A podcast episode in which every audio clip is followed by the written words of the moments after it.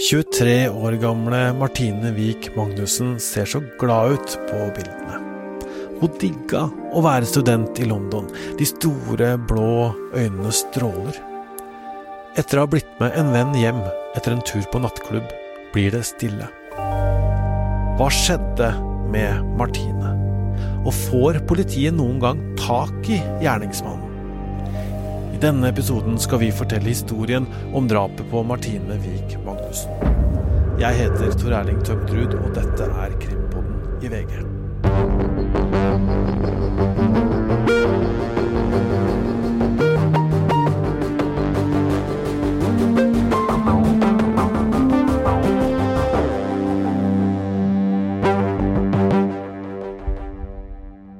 Martine var en sånn veldig vanlig jente.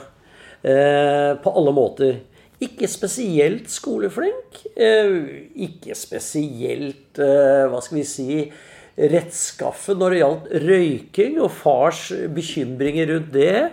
Men, men altså, hun var farverik, hun var kreativ. Eh, men fremfor alt så var hun, hadde hun et sosialt gen som jeg tror de fleste snakker om når det gjelder Martine, også jeg. Hun var ekstremt velmenende, snill, eh, opptatt av andre menneskers ve og vel. Altså en genuin solstråle, altså. Det er mandag 14. mars i år, 2022. Vi er i London. Nøyaktig 14 år etter at Martine ble drept. Mellom hektiske møter med politiet i London og det britiske utenriksdepartementet er det et stille øyeblikk. I bakgården til universitetet, som ligger i Regents Park, er det en liten hage. Der står minnetreet til Martine. Faren og moren til Martine er der med flere andre for å legge ned blomster til minne om datteren så er det en veldig vakker park på nedsiden. Hvor det er litt trær, og hvor det er veldig pent beplantet. Og ja, veldig, veldig vakkert. Og der står altså dette treet med en sånn liten eh, messingplakett uh, på et lite uh, Hva skal vi kalle det? En sånn liten plate. som sier at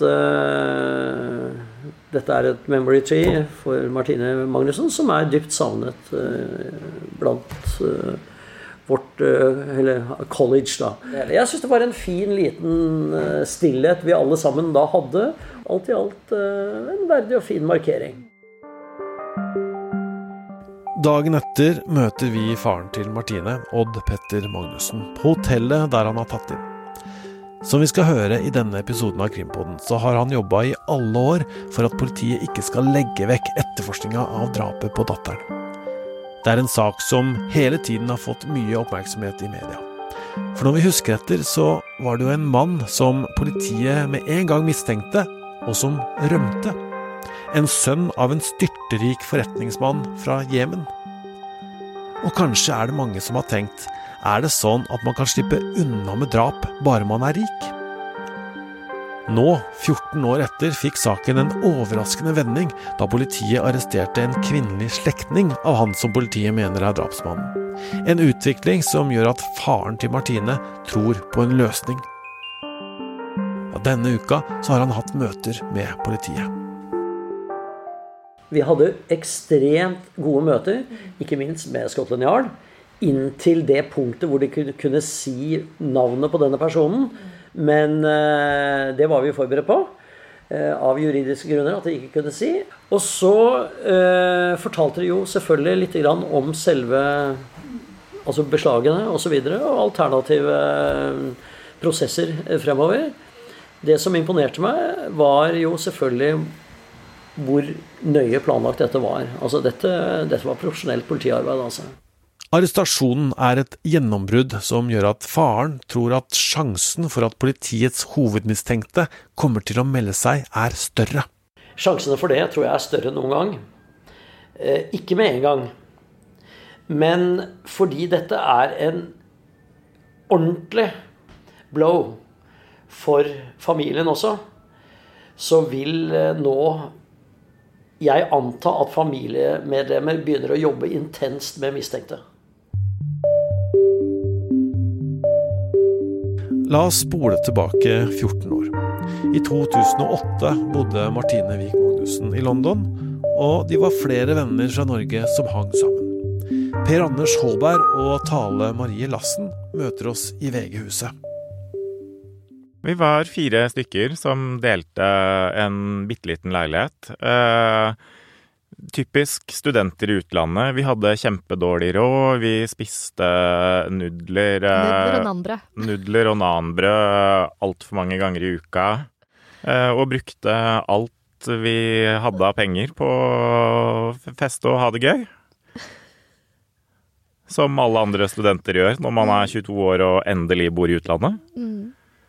Begge to jobber med markedsføring. Per Anders jobber i Schibsted, som jo er konsernet som eier VG. De er i slutten av 30-åra, sånn som Martine også ville ha vært i dag. Per Anders er blond og korthåra, med skjeggstubber i et mildt smil bak en dyp stemme. Tale har mørkebrunt hår og holder rundt kaffekoppen med slanke fingre, mens hun forteller energisk om de lange dagene for 14 år siden i London.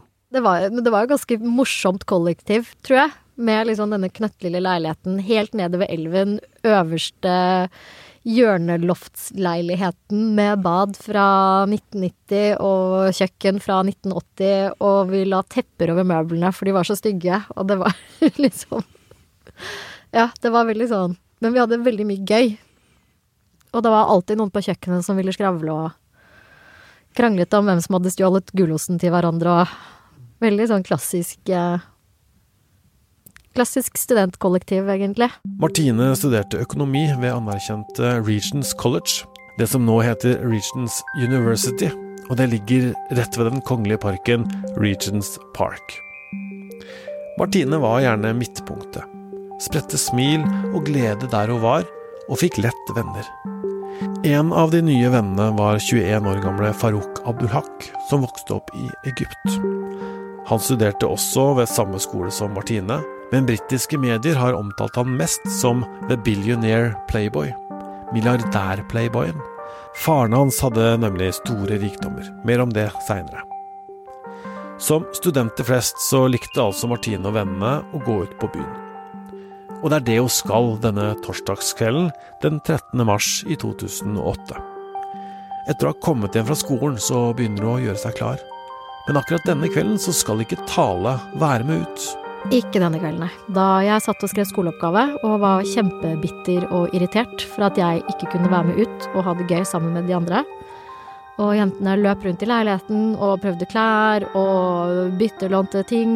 Og Martine kom inn på rommet mitt og var sånn Hvordan ser jeg ut nå? Skal jeg ha på meg den? Skal jeg ha på meg den? Og løp fram og tilbake og øredobber og hist og her. Og jeg tror det siste hun sa til meg var Hadde du tatt meg for en snickers? Og jeg sa det hadde jeg, helt klart. Ha det gøy. Og så flakset de ut av døren. I kjempehumør, alle sammen. Klare for, ja, eksamensfest. Vennene skal på utestedet Maddox, et sted du ikke bare kan møte opp på. Dette er en eksklusiv klubb hvor man må stå på en gjesteliste, og der møter de vennen Farouk. De koser seg, de danser, de fester. Det er jo kommet ut en del bilder fra den kvelden, så de eh, dansa, kosa seg, ser det ut som på bilder, og eh, var sammen eh, med vennene sine. Faruk og Martine kjente jo hverandre fra Regents College, der de studerte begge to. Så det ser jo ut som at det var en helt vanlig kveld ute i London for dem. Det forteller Marianne Vikås Tofthagen, vår kollega i VG, og som også har skrevet bok om Martine, og jobber nå sammen med Monster og Discovery med en TV-dokumentar om saken. Martine og vennene er på Maddox en god stund, før hun og Farouk drar. Hun reiser jo um, fra Maddox uh, ganske seint uh, den, uh, den, natta i en taxi sammen med Farouk. da kjører de til, til hans leilighet, som ligger ikke så veldig langt unna, i Great Portland Street. så det, den siste som ser Martine i live, da, bortsett fra Farouk, er jo, er jo da sannsynligvis den taxisjåføren. Dette var rundt eh, to-tida på natta, og da går jo de inn. Uh, mener politiet, inn i hans uh, leilighet. Han hadde ei leilighet uh, ganske høyt oppe i etasjene i det leilighetsbygget, og etter det så veit man jo på en måte lite, da, utad, hva som skjedde. For da er det ingen som hører meg fra Martine. Samtidig sitter Tale og skriver på oppgava si. Det gjør hun til langt utpå morgenskvisten. Hun drar hjem og legger seg, og står ikke opp før klokka tre på ettermiddagen. Hun går inn på rommet som Martine delte med venninna Nina. Da var det bare Nina uh, som var våken, og snakket litt med henne og spurte ja, hvor er Martine? Uh, nei, hun er, hun er hos Farouk. Ja, ok, greit. Uh, har vi snakket med henne? Nei. Prøvd å sende melding, eller sendt melding til Farouk, da. For Martine hadde jo mistet telefonen sin bare en uke eller noen dager i forveien. Så ga vi det vel kanskje ikke så veldig mye mer tanke med en gang, for hun var der ofte. Det var liksom ikke noe uvanlig. Han bodde jo mye nærmere nattklubbene, de var gode venner og sånne ting. Så det var ikke noen varselbjeller som gikk da med en gang. Men det var vel um, i løpet av den kvelden, for vi endte jo opp da med å gå ut den kvelden. Uh, mens vi fortsatte prøvde å få tak i henne, sendte henne meldinger på Facebook, sendte meldinger til Farouk på Facebook. Skrev til henne nøyaktig hvor vi var, vi er der, vil du komme og møte oss, når kommer du hjem, vi har ikke hørt fra deg, gi livstegn, sånne ting. Og så var det vel litt sånn tolvtiden natt til altså fredag natt til lørdag, at vi kjente at eh, vi kan ikke være her, vi må dra hjem og se om hun har kommet hjem, og så eventuelt gjøre noe. Jeg reiste hjem til leiligheten, da var hun ikke, og da var vi sånn ok, nå må vi Vi må faktisk melde henne savnet, for vi har ikke sett henne på et døgn, vi har ikke fått noe livstegn. Så da Vi ringer da til um, politiet, som ber oss gå til nærmeste politistasjon. Uh, vi tar med oss et bilde av Martine, og bakpå det så skriver vi navnet på Farouk Abdullah og adressen hans i Great Portland Street. Og sier hun er sannsynligvis her. Vi jentene var sammen med de i går kveld på denne nattklubben, og vi tror hun har blitt med han hjem.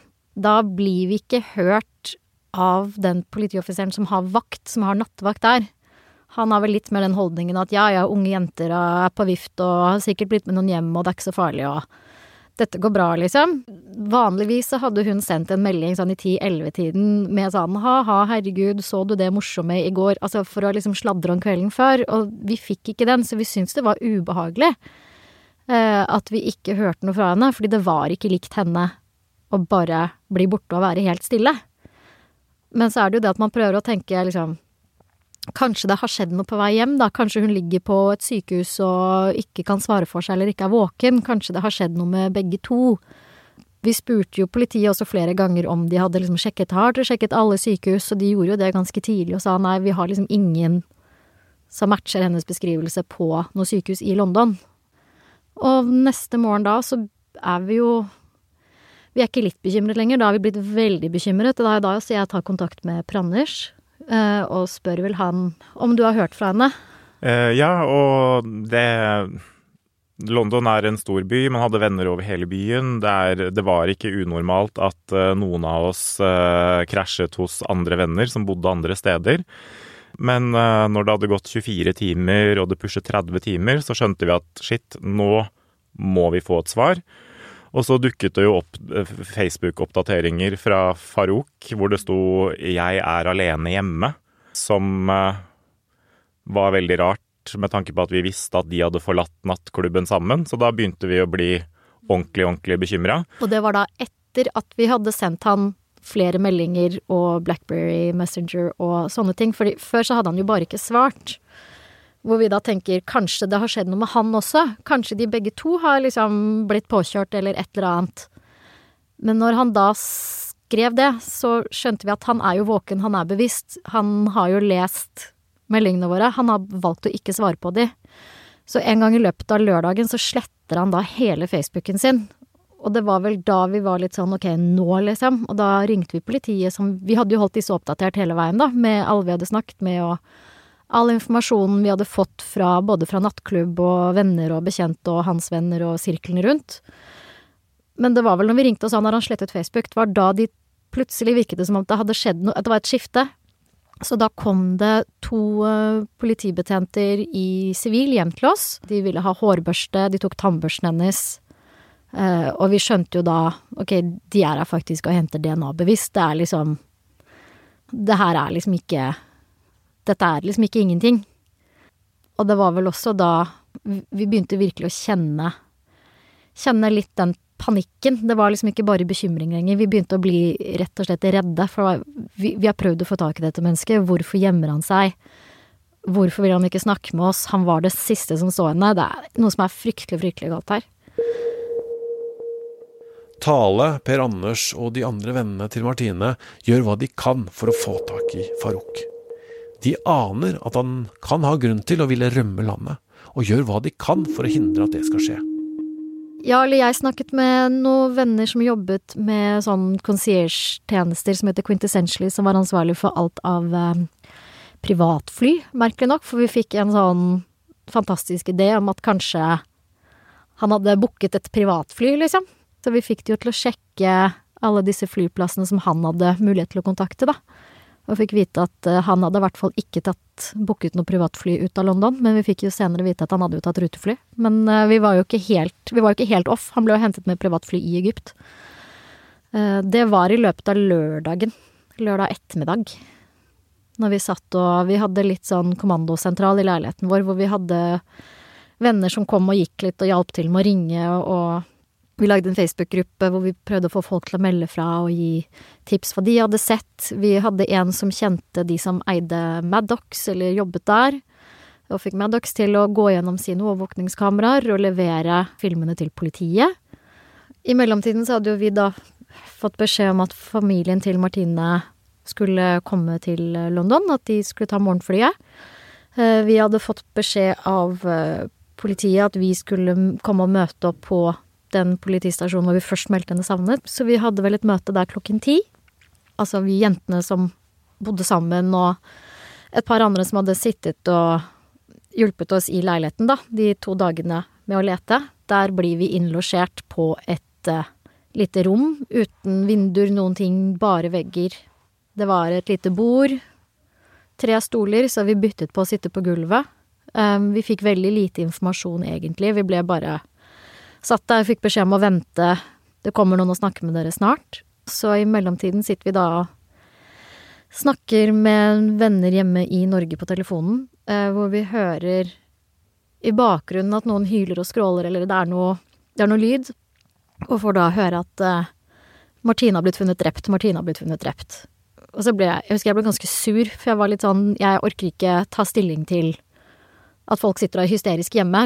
Dette klarer vi. Vi må, vi må liksom fokusere og bare holde oss litt samlet. Så jeg bare legger på telefonen sånn kjempesur.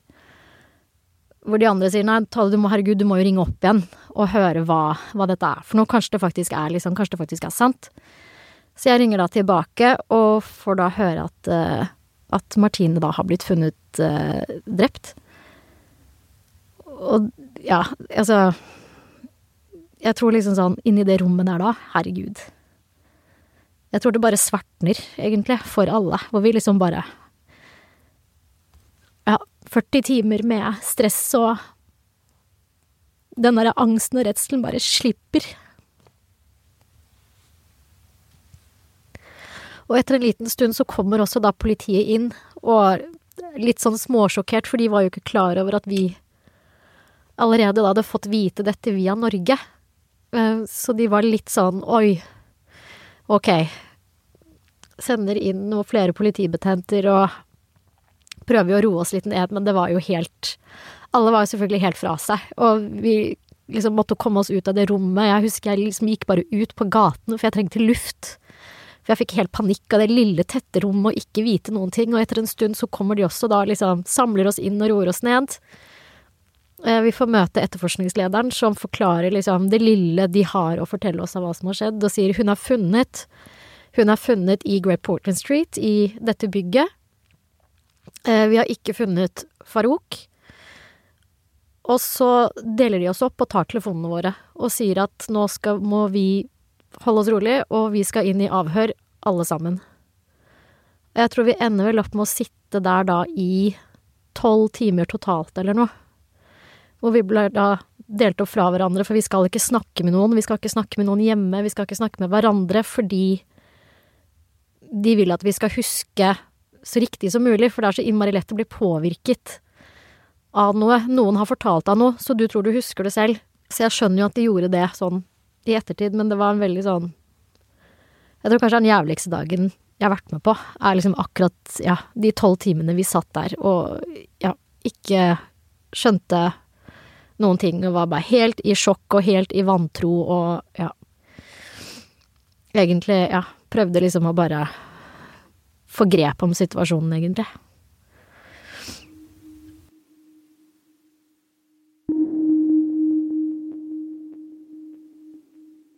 Det var ikke mange gangene Tale møtte Farouk, men hun hilste på ham når hun møtte ham sammen med Martine. Jeg husker han at han er sjenert, han er ikke veldig stor av vekst. Men han er jo bare 21 år, vi er jo ganske unge, så han var som en litt sånn tynn, liten fyr, egentlig. Sto liksom og så litt ned i bakken når han snakket med deg, og sparket litt sånn sjenert i grusen. Han var ikke noe sånn stor, breial, aggressiv type, egentlig. Heller det motsatte. Og jeg vet jo at Martine beskrev han jo som litt sånn ja, han er yngst i søskenflokken, og han blir kanskje litt sånn bølla med, eller han er liksom ikke Ja, han må liksom tas vares litt på, da. Det er litt synd på han, og han har ikke noe godt forhold med faren sin, og han har ikke hatt sånn fin, trygg oppvekst sånn som vi har hatt, og Så jeg, det er liksom mitt inntrykk av han, er at han er bare en sånn liten, stakkarslig fyr, egentlig, som hun syns litt synd på, en litt sånn derre fugleunge som hun har funnet langs veien med brukket vinge, liksom. Og det var sånn typisk Martine òg, å skulle ta, ta vare på folk, for hun var et omsorgsmenneske på den måten.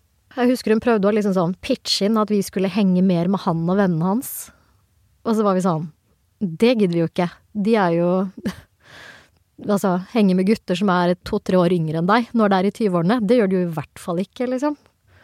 Så ble hun, hun ble litt sånn sår, liksom, fordi vi ikke gadd. Men Martine blei kjent med Farouk, og de blei venner. Men var de mer enn det?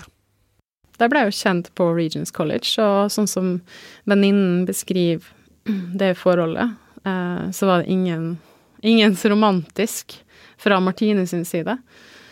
Eh, de er veldig klar på at hvis det hadde vært noe sånt, så hadde Martine sagt noe om det, men at eh, hun ikke så på eh, Farouk eh, på den måten, da. Og at det kanskje var annerledes for han.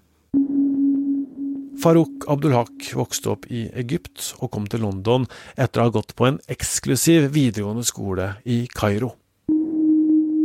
Han hadde kommet fra en, en amerikansk skole i Kairo, som er en privatskole som er veldig, veldig kostbar uh, å, å, studere ved. Så han hadde gått både liksom slutten av barneskolen og ungdomsskoleåra, da, som jeg kaller det her, um, og, og, det man kaller videregående, da. Um, og reist til London for å studere Regents College, som er et veldig, veldig vel ansett uh, universitet.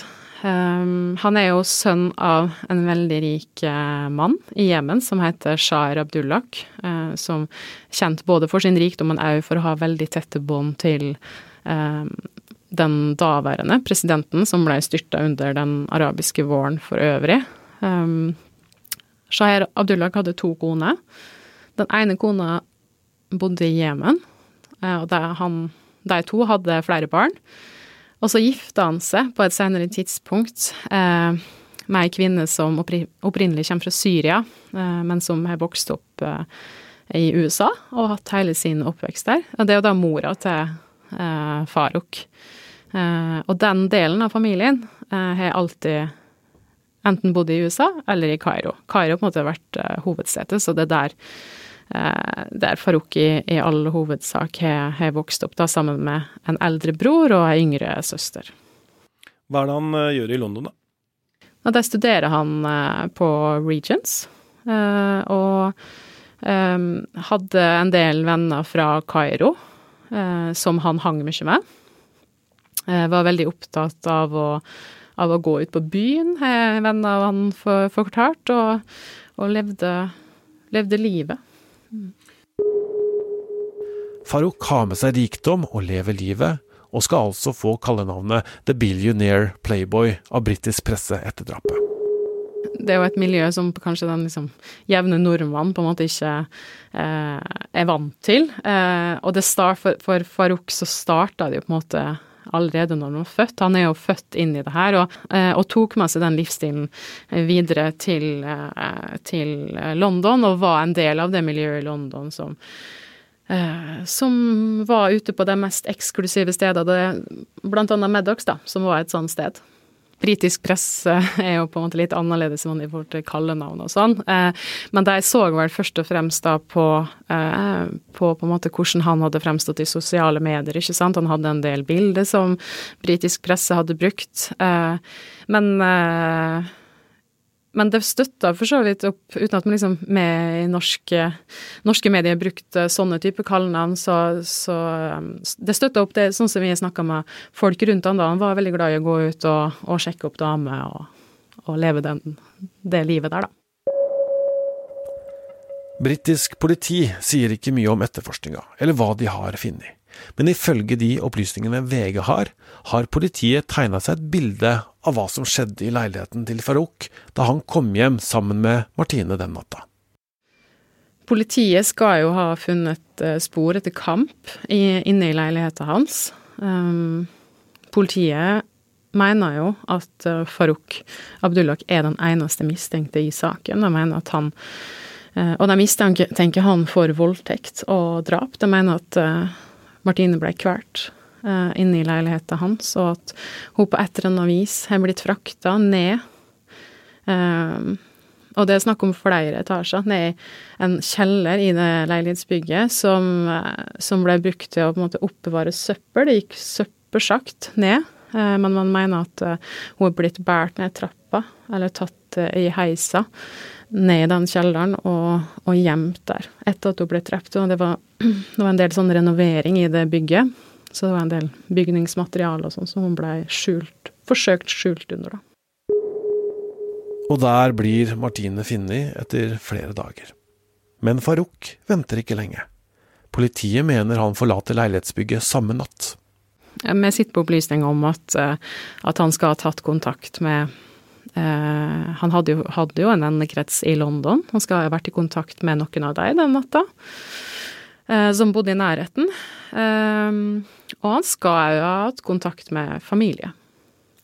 og så har jo han da på et tidspunkt reist til flyplassen. mange år etter drapet så friga politiet overvåkningsbildet av han, som skal være tatt på Luton flyplass. Uh, han skal ha tatt et rutefly da fra, uh, fra, London til Egypt, og ganske kjapt uh, komme seg videre til Jemen, som jo ikke har utleveringsavtale med, med Storbritannia. Altså, hun blir jo drept den natta. Siste man ser fra henne, er jo da i totida. Allerede da den samme formiddagen på den påfølgende dagen, da, det er jo snakk om en time, så er jo han allerede på flyet. Så var det jo sånn at Og det kom jo kanskje liksom litt under radaren den gang, for det var så mye oppmerksomhet rundt sjølve drapet og flukten, men det ble jo pågrepet en mann i 50-åra eh, som skal ha assistert Farouk eh, i flukten. Eh, og så vidt jeg har forstått, i hvert fall, så er det snakk om på en måte å fasilitere på en måte han, hans eh, flukt ut av Storbritannia, da. Jemen ligger på den arabiske halvøya rett under Saudi-Arabia. Sør for Jemen ligger Adenbukta, og krysser du den, så kommer du til det som kalles Afrikas Horn og Somalia. Jemen er et fattig land med autoritært styre. Livet til Farouk i Jemen nå veit vi ikke så mye om. Politiet har ikke klart å komme i kontakt med ham. Nei, Det vi vet, er jo at han kommer dit, og så uh, får han ganske raskt en uh, advokat som er betalt av faren. Det advokaten bekrefta sjøl. Han uttalte seg uh, i en viss grad på Farouk sine vegne i starten. Pol politiet har jo ikke fått tak i han, media har ikke fått tak i han. Han, han har jo levd helt under radaren der. Det, det er et land som, som er i borgerkrig, et veldig fattig land. Det er jo ingen utleveringsavtaler. Det gjør jo at han kan leve i en viss uh, frihet der. I, den forstand man kan si at man kan leve i frihet i et land som er så både så fattig og så eh, krigsherja, da. Men det er jo ikke tvil om at hans eh, eh, på en måte forbindelser og familie og den rikdommen har gjort at han kan leve et ganske behagelig liv, da, til tross for at det er et eh, vanskelig land å bo i for de aller fleste. Så har opplysninger om at han skal leve et ganske vanlig liv. Bodd i et hus, gifta seg, fått barn og jobba. Faren til Farouk, Shaer Abdulhak, var altså en av Jemens aller rikeste menn. Han eide navn som Coca-Cola og Mercedes i Jemen og i Egypt, og drev stort i tobakk. Han døde i 2020. Det har ikke kommet noen offisielle uttalelser fra Farouk Abdullah, men helt til starten av saken, i 2008, så snakka en advokat i Jemen på hans vegne. Da sa han at uh, Farouk ikke var noen rømling, og at han ikke var tiltalt for noe som helst. Men ellers så svarte advokaten ingen kommentar på alle spørsmål. Og så kom det plutselig, 8. mars i år, nesten på dagen 14 år etter drapet, en pressemelding fra britisk politi. De hadde arrestert en kvinne i 60-åra, en slektning av Farouk, og mistenker henne for å ha hjelpa til med flukten. Og det er det som har gjort at saken har fått stor oppmerksomhet igjen. For vennene til Martine så har den nye utviklinga brakt minnene tilbake om de lange, vonde timene i uvisshet da Martine var borte. Åh, jeg tror bare den der arrestasjonen Jeg tror at jeg har liksom bare røska tak. At det liksom drar alt opp igjen det meste er at det kom så innmari som lyn fra klar himmel. Vi, vi, var ikke forberedt mentalt på at det kom til å skje noe akkurat nå. Så når det liksom er plutselig ut av ingen sted, så blir man nedringt av pressen som forteller at hei, de har arrestert noen, så blir man jo litt sånn herregud, hva, hvem, hva, hvor, hva skjer nå, liksom? Uh, og så er det jo, men så er det jo fortsatt man sitter jo bare med flere spørsmål, egentlig. Det er jo hvem, hvem er denne kvinnen? Hvordan har hun vært involvert? Hva har det å si for eh, etterforskningen? Hva har det å si for Farouk? Er det liksom noen som man kan bruke for å få ham til å ville snakke? For til syvende og sist så er det jo liksom Det er jo bare han som kan fortelle nøyaktig hva som skjedde de timene inni den leiligheten. Det er jo ingen andre som kan fortelle det. Så det er, jo, det er jo han vi vil ha tak i, det er jo han vi vil snakke med. Men det er jo kjempebra, ja. Det viser jo at de står på det, at ikke de har gitt opp eller glemt det. Og det, jeg tenker det er kanskje det mest verdifulle for meg som pårørende i saken, da. Er at jeg ser at de jobber.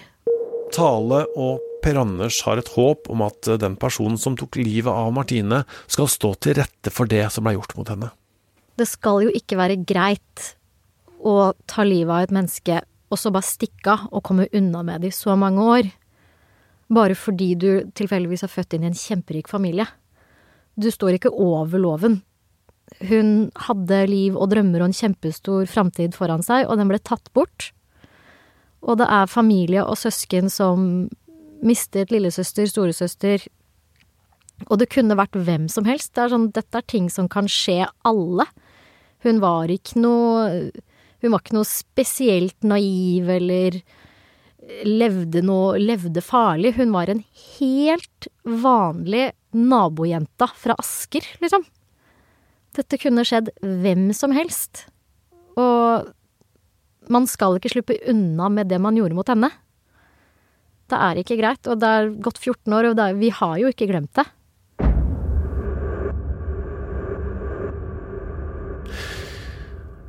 Ja, krimkommentator eh, her i VG, og alltid med i Krimpodden, Øystein Milli. Hva, hva, tenker du når du hører dette her?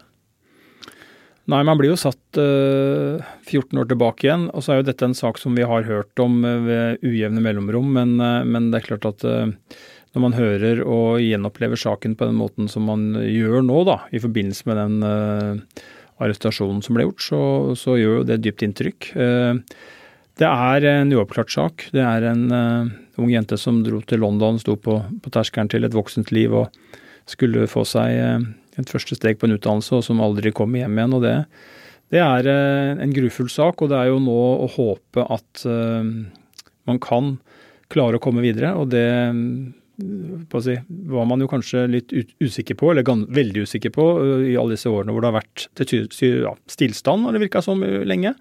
Men så, så, viser det seg også her at det kommer kanskje da en utvikling i, i, riktig retning. I hvert fall er det et stort steg videre det at man klarer å få en siktelse på beina og, og gjøre det man har gjort de siste ukene og dagene.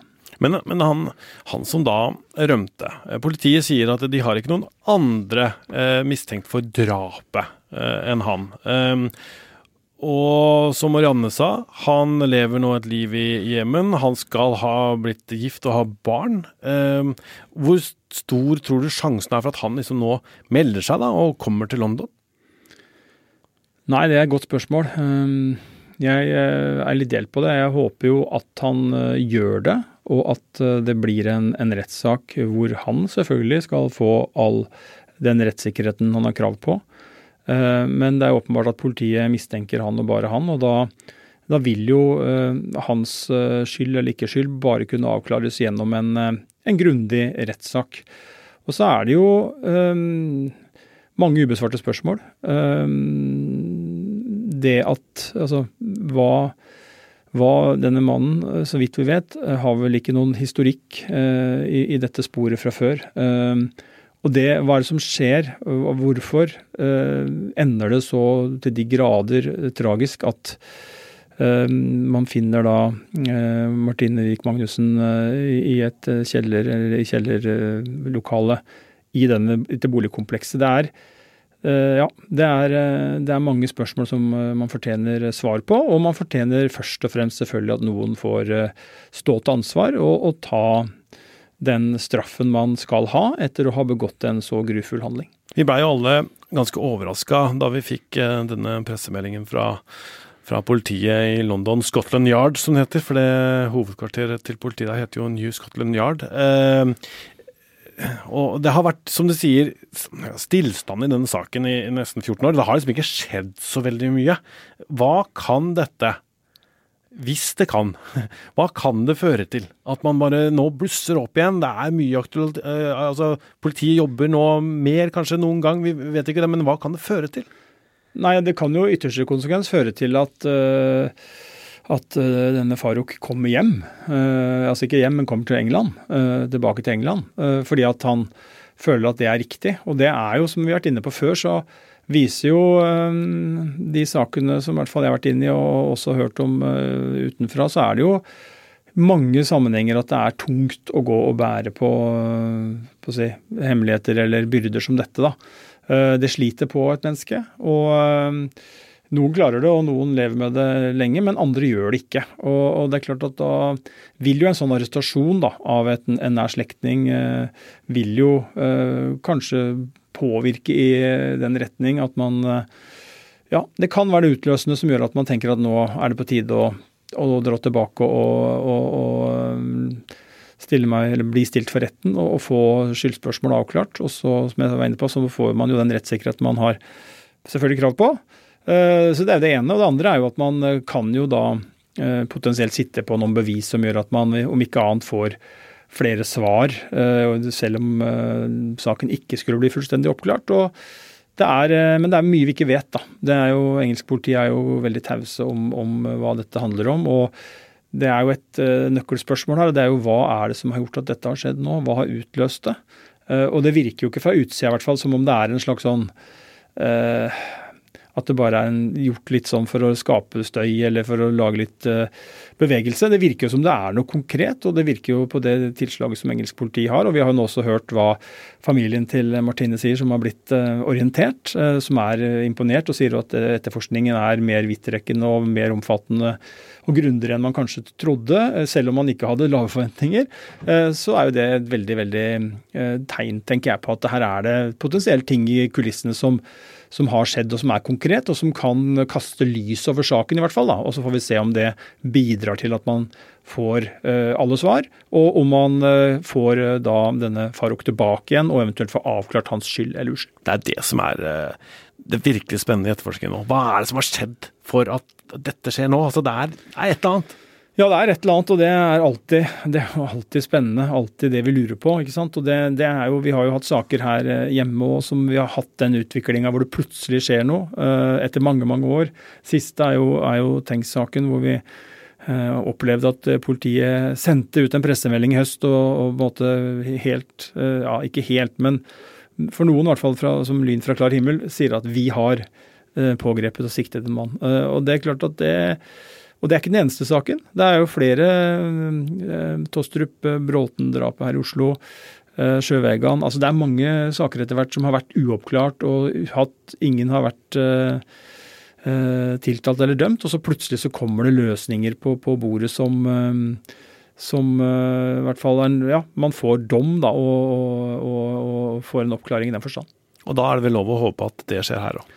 Ja, det er virkelig å håpe. Dette er en uh, grusom sak, og det er en uh, uh, Ja, den er så brutal og, og forferdelig at vi, vi, må bare håpe at dette kan, selv om det har gått 14 år, at vi kan få et, et svar nå som gjør at i hvert fall den biten er på plass.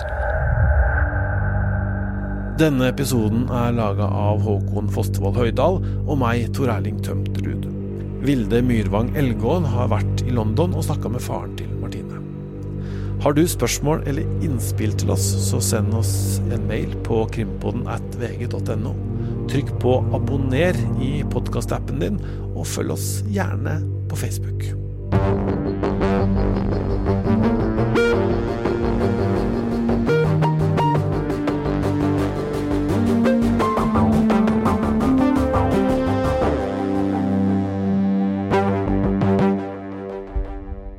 Du har hørt en podkast fra VG.